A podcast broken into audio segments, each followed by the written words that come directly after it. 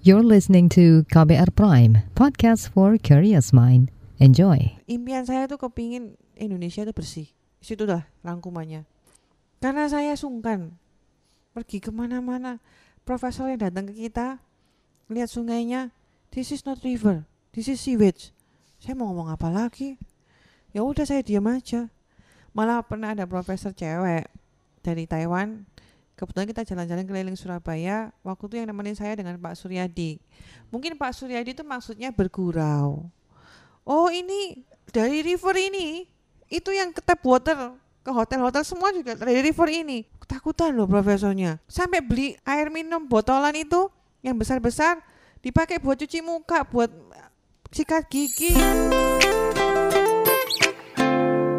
Anda sedang mendengarkan Sains Sekitar Kita Dipersembahkan oleh The Conversation Indonesia dan KBR Halo, kita ketemu lagi di Science Sekitar Kita. Kita sekarang udah di episode ketiga dan kita masih membahas tentang para peneliti di Indonesia dan hasil penelitian mereka yang luar biasa. Seperti biasa, saya nggak sendirian nih, karena saya selalu ditemenin sama Lutfi dari The Conversation Indonesia. Hai Lutfi. Halo Naomi, uh, senang banget ya kita udah masuk ke episode 3 dan di episode ini kita akan ngobrol bersama Dr. Felicia Sutarjo, panggilannya Bu Feli, seorang peneliti dari Surabaya dan dia ini seorang uh, chemist atau ahli kimia ya. Uh, dia ini menemukan suatu metode yang sangat powerful untuk membersihkan air limbah. Sounds cool. Gimana tuh caranya? Sabar-sabar, nanti kita bahas.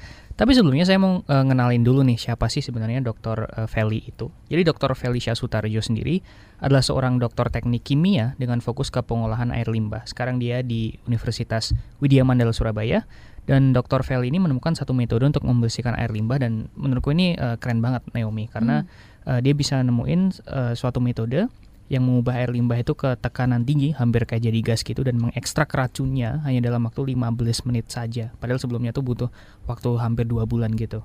Nah ini yang akan kita bahas di episode kali ini. Wow, dan di setiap episode desain sekitar kita, aku selalu penasaran sama background atau apa sih yang melatar belakangi minat atau temuan peneliti yang kita bahas gitu kan. Kalau Dr. Feli, apa nih yang ngebuat dia jadi tertarik menciptakan metode untuk membersihkan air limbah? Hmm. Ada cerita menarik yang yang memicu beliau menekuni di bidang ini. Uh, jadi dulu Dr. Feli ini tinggal di dekat sungai, tapi, tapi zaman itu masih bersih ya. Waktu itu Surabaya dipimpin wali kota Purnomo Kasidi yang menjabat dari 84 sampai 94 kalau nggak salah. Waktu kecil Dr. Feli ini suka cari-cari ikan di sungai waktu masih bersih ya. Bahkan beberapa orang saking bersihnya orang tuh suka canoeing di sana pakai kapal gitu ya. Uh, tapi semua berubah sejak negara api menyerang. seiring dengan waktu itu berubah waktu saya agak besar uh, di deket dulu kan industri nggak dikelompokkan ya nggak ada area industri di mana pun bu bisa buka pabrik. Saya ingat di Keputaran itu ada pabrik saya lupa pabrik apa. Cuman saya ingatnya gini setiap periode tertentu itu pasti banyak ikan ikannya itu dying. Waktu itu sih saya mikirnya uh kok hebat ya? Kok ada ikan di permukaan emang kenapa gitu loh? Wah ini enak ya orang bisa ngambilin ikan langsung. Pikiran saya sebagai anak kecil masih SD kelas 2 kelas 3 terus habis gitu uh, papa saya ngomong enggak itu loh pabrik itu buang air beracunnya. Jadinya kayak gitu. Oh, loh. Kalau ini ikan-ikan ini seperti ini kan berarti dia kena racun gitu loh. Terus saya waktu itu waduh kan ya bahaya ya Oh begitu, ternyata cerita masa kecil yang motivasi dokter Felicia untuk nekunin ilmu tentang zat-zat kimia beracun ya. Bahkan sampai getol bikin penelitian soal cara mengolah limbah. Nah nggak cuma itu aja Naomi, eh, saat dokter Feli ini udah jadi akademisi, ada satu momen yang bikin dia semakin tertantang untuk eh, menemukan metode baru pengolahan limbah. Jadi ceritanya waktu itu, eh, dokter Felicia bareng supervisornya ya, Prof. Suryadi, lagi nemenin suatu profesor dari Taiwan melihat kondisi sungai di di Surabaya di Indonesia waktu itu impian saya tuh kepingin Indonesia itu bersih. Situ dah rangkumannya karena saya sungkan pergi ke mana-mana. Profesor yang datang ke kita lihat sungainya this is not river this is sewage. Saya mau ngomong apa lagi? Ya udah saya diam aja. Malah pernah ada profesor cewek dari Taiwan kebetulan kita jalan-jalan keliling Surabaya. Waktu itu yang nemenin saya dengan Pak Suryadi. Mungkin Pak Suryadi itu maksudnya bergurau oh ini dari river ini itu yang ke tap water ke hotel-hotel semua juga dari river ini. Ketakutan loh profesornya. Sampai beli air minum botolan itu yang besar-besar dipakai buat cuci muka buat sikat gigi entah mandi juga atau enggak saya nggak tahu. Oh, got the point. Jadi ceritanya Dokter Felicia itu rada malu gitu ya pas uh, ngelihat kondisi pencemaran sungai di Indonesia. Beliau itu kan sebagai akademisi atau peneliti kayak dipecut untuk cari solusinya juga kan ya? Iya benar banget Naomi. Uh, sampai waktu dia akhirnya balik dari studiesnya waktu S2, dia ditunjuk jadi uh, point person atau kayak orang yang in charge di universitasnya untuk komunikasi dengan pihak industri. Lutfi, aku sempat dengar kalau Dokter Felicia itu pernah dapat tantangan ngubah air super beracun jadi jernih. Itu benar nggak sih? Terus ceritanya tuh kayak gimana ya? Bener banget Naomi. Jadi suatu hari beliau didatangi oleh sebuah perusahaan produk elektronik, nggak bisa disebut di sini ya namanya. Mereka punya problem gitu. Uh, jadi kalau misalnya dalam pembuangan air limbah itu ada suatu unit, suatu metrik namanya chemical oxygen demand (COD) kayak gitu uh, itu tuh seberapa air limbah itu tuh bisa kayak ngikat makan oksigen di tempat yang baru dia di mana dirilis entah itu di sungai atau di laut atau di mana kayak gitu. Jadi semakin tinggi semakin berbahaya buat uh, lingkungannya. Batas yang diterima itu jadi kalau dilepas harus di bawah 100 mg per liter ya kalau nggak salah. Nah proses baru dari perusahaan elektronik ini nyampe 7 ribuan kayak gitu. Uh, dan akhirnya uh, Dr. Vel ini diminta menurunkan hingga ambang batas yang bisa diterima yaitu di bawah 100 mg per liter ya, itu cuma tadi. satu saya punya masalah nih nih COD-nya sekian nih gimana caranya saya bisa memenuhi ambang batas ini keluar ke sungai hmm. tahu mau diapakan Wow, kadar pencemarannya sampai 7000 Itu sih bahaya banget lah ya untuk kesehatan sama lingkungan. Tapi kalau air yang udah terkontaminasi itu ikut keminum bisa nimbulin penyakit juga kan ya kayak diare, terus kolera, hepatitis sampai penyakit kulit kalau kita terpapar gitu kan. Dan ekosistem sama kelangsungan hidup makhluk lain bakal keancam juga tuh kalau memang bisa dibilang kadar limbah setinggi itu mencemari sungai. Aku jadi pengen tahu sih, selama ini gimana sih cara perusahaan itu bisa ngolah limbahnya? Hmm, jadi selama ini tuh kalau aku kemarin habis ngobrol sama Dr. Feli ya, beliau menjelaskan di dalam wastewater treatment itu kurang lebih ada tiga jenis metode. Ada biologi, fisika dan kimia. Jadi biologi itu dia pakai uh, semacam mikroorganisme atau bakteri untuk uh, mengolah dan mencerna uh, zat-zat beracunnya dari airnya. Kalau yang fisika tuh ya uh, pemisahan atau pembakaran ya proses-proses fisik seperti itu. Kalau yang kimia itu pakai suatu proses namanya oksidasi. Jadi kayak misal senyawa kimia yang beracun itu rantainya kan panjang ya. Terus dioksidasi, dipecah, uh, senyawanya kompleksnya di di breakdown menjadi kecil-kecil sehingga lebih mudah dipisahkan dan diolah. Uh, in a nutshell general overview-nya kayak gitu. Nah, eh, perusahaan elektronik ini yang tadi menghampiri Bu Feli menggunakan beberapa metode, tapi ternyata nggak efektif untuk menurunkan kadar pencemaran yang setinggi itu tadi 7000 gitu. Contohnya saat mereka pakai metode biologi. Nah itu dengan bakteri nggak bisa, bakterinya khusus. Maksudnya mungkin bisa didegrade dengan bakteri, tapi stepnya panjang, butuh waktu yang lama. Minimal 30 hari sampai 60 hari. Jadi sebetulnya bisa sih dengan bakteri, cuma lama banget gitu. Bisa sekitar 60 hari untuk sekedar nurunin dari angka yang tinggi banget tadi 7000 jadi di bawah 100. Oh, tapi kalau selain cara itu ada nggak cara lain yang pernah dilakuin? sama hasilnya gimana kalau cara lain? Ya ada, tadi kan ada tiga metode umum itu ya. Nah eh, hmm. perusahaan hmm. elektronik ini juga punya metode kimia. Jadi dioksidasi dengan uh, zat namanya hidro, hidrogen peroksida, kemudian ada diproses lagi dengan sinar UV, kayak prosesnya rumit banget lah. Tapi tetap nggak ampuh gitu. Jadi itu dialirkan, dia ada ada peroxide-nya, ada UV light-nya di diolah di situ keluar jadi misalnya COD chemical oxygen demandnya itu kadar ini itu sekitar 5000 dari instalasi itu dia bisa turun sekitar 1500 jadi 3500 padahal kan batas aman yang diizinkan kurang dari 100 selain itu bermain dengan zat-zat yang UV reaktif itu juga bahaya sebagaimana yang akan diceritakan oleh Dr. Feli. Jadi tukangnya mereka itu sempat bersihin itu tangki keluar siang kulitnya melepuh karena catnya itu UV reaktif. Wah, rumit ya, pusing gak sih udah gonta-ganti metode tapi tetap gak berhasil. Aku jadi makin penasaran nih, gimana sampai akhirnya dokter Felicia ini nemuin metode yang lebih jitu. Nanti sabar ya, kita break dulu sekarang. Anda sedang mendengarkan season kedua dari Sains Sekitar Kita. Jangan lupa untuk dengarkan season pertama dari Sains Sekitar Kita di KBR Prime dan juga platform podcast lainnya. Kamu masih dengerin Science sekitar kita. Ada Naomi dan Lutfi juga dari TCID. Kita masih ngobrol bareng juga sama Dr. Felicia. Beliau adalah seorang peneliti dari Universitas Widya Mandala Surabaya. Dan kita lagi ngebahas tentang penanganan limbah dengan metode yang ditemuin sama Dr. Felicia. Pasti banyak ya yang penasaran banget sama ceritanya bagaimana Dr. Fel ini bisa menemukan metodenya. Aku sih iya, penasaran banget. Pasti melalui proses yang panjang banget kan ya? Ya bener banget Naomi. Uh, kalau kata orang sih there is no shortcut to success ya. Of course. Jadi Dr. Feli ini harus ngelewatin trial error yang banyak yang berkali-kali gitu. Pertama, uh, dia mau coba lihat apakah bisa improve proses biologinya dengan pencernaan bakteri tadi. Pakai berbagai macam entah mikrobanya dari tanah lah apa kita masukin, kita kasih nutrien, biarin tuh dia kerja. Waduh, masih tinggi. 5000 6000 lah.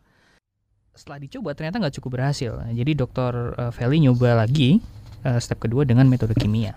Eh, metode kimia tuh yang kayak gimana tuh maksudnya? Jadi kalau proses kimia sendiri seperti yang aku sempat singgung sebelumnya ya, uh, itu komponen beracunnya itu di breakdown menjadi komponen-komponen kimia yang yang lebih kecil lagi rantainya gitu. Kalau misalnya dibayangkan kayak rumus tulisan kimia kan apa apa apa dua tiga bla bla bla OH bla bla bla kan panjang banget ya. Itu bisa di breakdown jadi yang lebih kecil sehingga lebih mudah diolah. Intinya kayak gitu sih. Uh, tapi di sini beliau nyoba beberapa uh, reagen-reagen kimia yang berbeda gitu. Reagen itu kayak uh, mixture campuran atau atau senyawa yang beda-beda gitu. Um, ada beberapa yang cukup umum ya kayak misalnya uh, formaldehid am amonia atau apa gitu. Ada juga reagen yang uh, ditemuin oleh orang yang di custom gitu istilahnya ada apa ya uh, Collins reagen yang uh, untuk mendeteksi uh, alkohol ke aldehid, ada Milons reagen yang untuk mendeteksi protein dan seterusnya kayak gitu. Nah, yang dipakai oleh Dr. Feli itu akhirnya yang yang akhirnya dicoba adalah suatu reagen yang dinamakan reagen Fenton karena penciptanya namanya Henry Fenton. Tapi dulu nih uh, cuma sekedar reagen yang analitis atau yang yang dipakai di di setting untuk belajar atau akademik atau mendeteksi di eksperimen di laboratorium gitu. Nah, oleh Bu Feli digunakan uh, untuk mencoba untuk memproses wastewater treatment ini tadi gitu. Terus kita coba dengan Venton. Several seri Venton. Hasil Venton dipisahkan di Venton lagi, dipisahkan di Venton lagi. Paling bagus mentok 2000. 1500 2000 itu sudah nggak bisa diapa-apakan lagi dia apa-apain nggak bisa turun dari sana. Terus sudah berhasil gitu? Pusing kita. Uh, tentu belum ya Naomi ya, masih panjang prosesnya. Beliau coba lagi dan coba lagi, tapi beliau uh, kepikiran gitu. Kalau misalnya mengubah metodenya itu masih susah, misalnya dari biologi terus jadi kimia tuh nggak bisa, gimana dia pikir kalau diutak-atik bentukan dari limbahnya gitu. Jadi kalau misalnya Naomi tahu perubahan fase, itu kan misalnya dari es kan padat ya, kemudian dipanasin 0 derajat jadi air, habis itu 100 derajat itu dipanasin uh, jadi gas gitu kan biasanya kan kayak gitu. Tapi bisa juga ternyata kalau misalnya air itu dikasih tekanan yang tinggi kalau dalam kasusnya dokter Fel ini kayak uh, sekian puluh bar kayak gitu. Titik didihnya itu kan bisa naik ya. Kayak uh, dipanasin sampai bahkan 150 200 bisa aja belum belum menguap karena tekanannya tadi sangat tinggi banget kayak gitu. Nah ada suatu titik di dalam uh, chart itu namanya titik kritis gitu. Kalau misalnya tekanan dan suhunya melewati itu jadi itu kayak air dan gas itu kayak fasenya jadi kayak menghablur gitu loh kayak blur blur the line gitu. Jadi nggak jelas nggak jelas fasenya bentuknya kayak gimana. Tapi yang dilakukan dokter Feli itu belum sampai situ. Itu kan kritis ya tadi. Ini adalah posisi subkritis yaitu airnya ditekan tinggi banget. Uh, tapi dipanasinnya cukup sedemikian sehingga belum masuk ke posisi kritis yang yang nggak jelas antara air dan dan gas tapi masih air bertekanan tinggi tapi dia galau gitu. Mau jadi gas nggak ya? Dia masih air tapi mau jadi gas nggak ya? Dalam posisi air bertekanan tinggi yang galau ini mau antara liquid atau gas itu lebih mudah untuk mengekstrak kotoran uh, komponen kotornya dari air limbahnya. Akhirnya waktu itu kita uh, kita dapat uh, hibah reaktor subcritical itu dari Taiwan Tech. Jadi kerjasama penelitian kita dengan Taiwan Tech cukup bagus. Saya juga alumni dari sana. Jadi kerjasamanya bagus. Kita dikasih uh, uh, apa reaktor itu. Kita ambil itu kita masukin. Tanpa venton waktu itu nggak ada kepikiran venton masukin aja coba di subkritis mungkin dengan subkritis oksigennya kan reaktif. Bisa. Oke. Okay. ternyata tanpa apa pun bisa turun. Subkritis saja bisa turun. Uh bagus ini. Kira-kira 40% turun. 40-50% turun. 98% turun. Terus kita mikir loh ini subkritis saja bisa turun berarti punya hope Wow, ternyata panjang banget ya prosesnya. Makanya itu bisa dibilang powerful banget ya. Hmm, so what she did after this was, uh, jadi dia menggabungkan dua metodenya yang, yang sebelumnya cukup oke okay, gitu. Tadi kan dia udah nyoba uh, reagen Fenton yang udah nurunin sekian ribu. Kemudian tadi uh, diubah jadi fase subkritis aja juga nurunin sekian ribu. Gimana kalau digabung gitu dalam fase subkritis, tapi ngolahnya kimianya pakai reagen Fenton gitu? Apa yang akan terjadi kayak gitu? terus kita brainstorming eh coba yuk kita kasih reagen Fenton nah itu kita play around dengan reagen Fenton konsentrasinya berapa persen yang harus ditambahkan sampai kita akhirnya dapat oh sekian ini optimal bisa 98% turun. Dan akhirnya setelah nemu ini, itu eureka moment bagi uh, timnya Dr. Feli karena tiga hal penting. Yang pertama, ini adalah metode yang super powerful. Pasti yang masih powerful. So far yang kimia yang saya tahu ini kombinasi ini. Yang kedua, ini cuma butuh waktu 15 menit. Jadi 15 menit itu proses limbahnya di breakdown di mana kalau dengan uh, biologi mungkin butuh 60 hari. Yang ketiga, belum ada peneliti yang mencoba kombinasi metode ini sebelumnya. So far sampai kita uh, saya apply patennya itu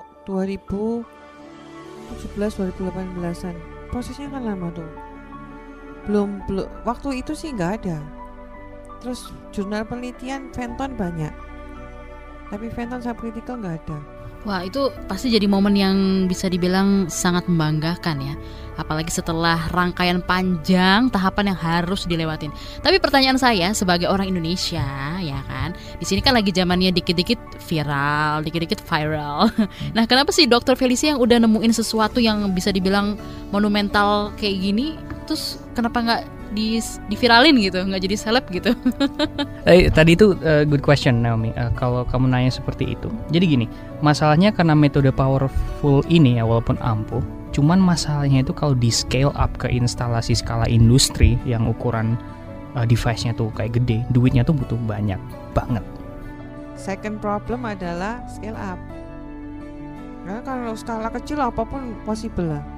Scale up itu yang seninya yang tidak gampang oke kita ada kan ada progress report. Jadi kita bawa ke sana kita ngomong progress. Ini progresnya pak. Wah seneng. Terus gimana bu penerapannya? Nah ini. Second step. Saya ngomong saya akan bikin reaktor yang lebih besar. Nah di sana nanti kita uji coba lagi. Nah waktu bikin reaktor yang lebih besar saya sih kepinginnya 10 kali lipat waktu itu satu liter. Tapi kesulitan juga bikin reaktornya kan ke bengkel biasa gitu bagaimana nyari solid solid steel? Karena kan asam itu nggak bisa pakai besi biasa. Solid steel harus ngelubangin bobot dan sebagainya bikin sealnya. Waduh itu itu tantangan banget. Reaktornya memang tantangan terbesar. Perusahaan itu mundur di instalasinya. Karena instalasinya bukan bukan hitungan ratusan juta. Reaktornya tuh M.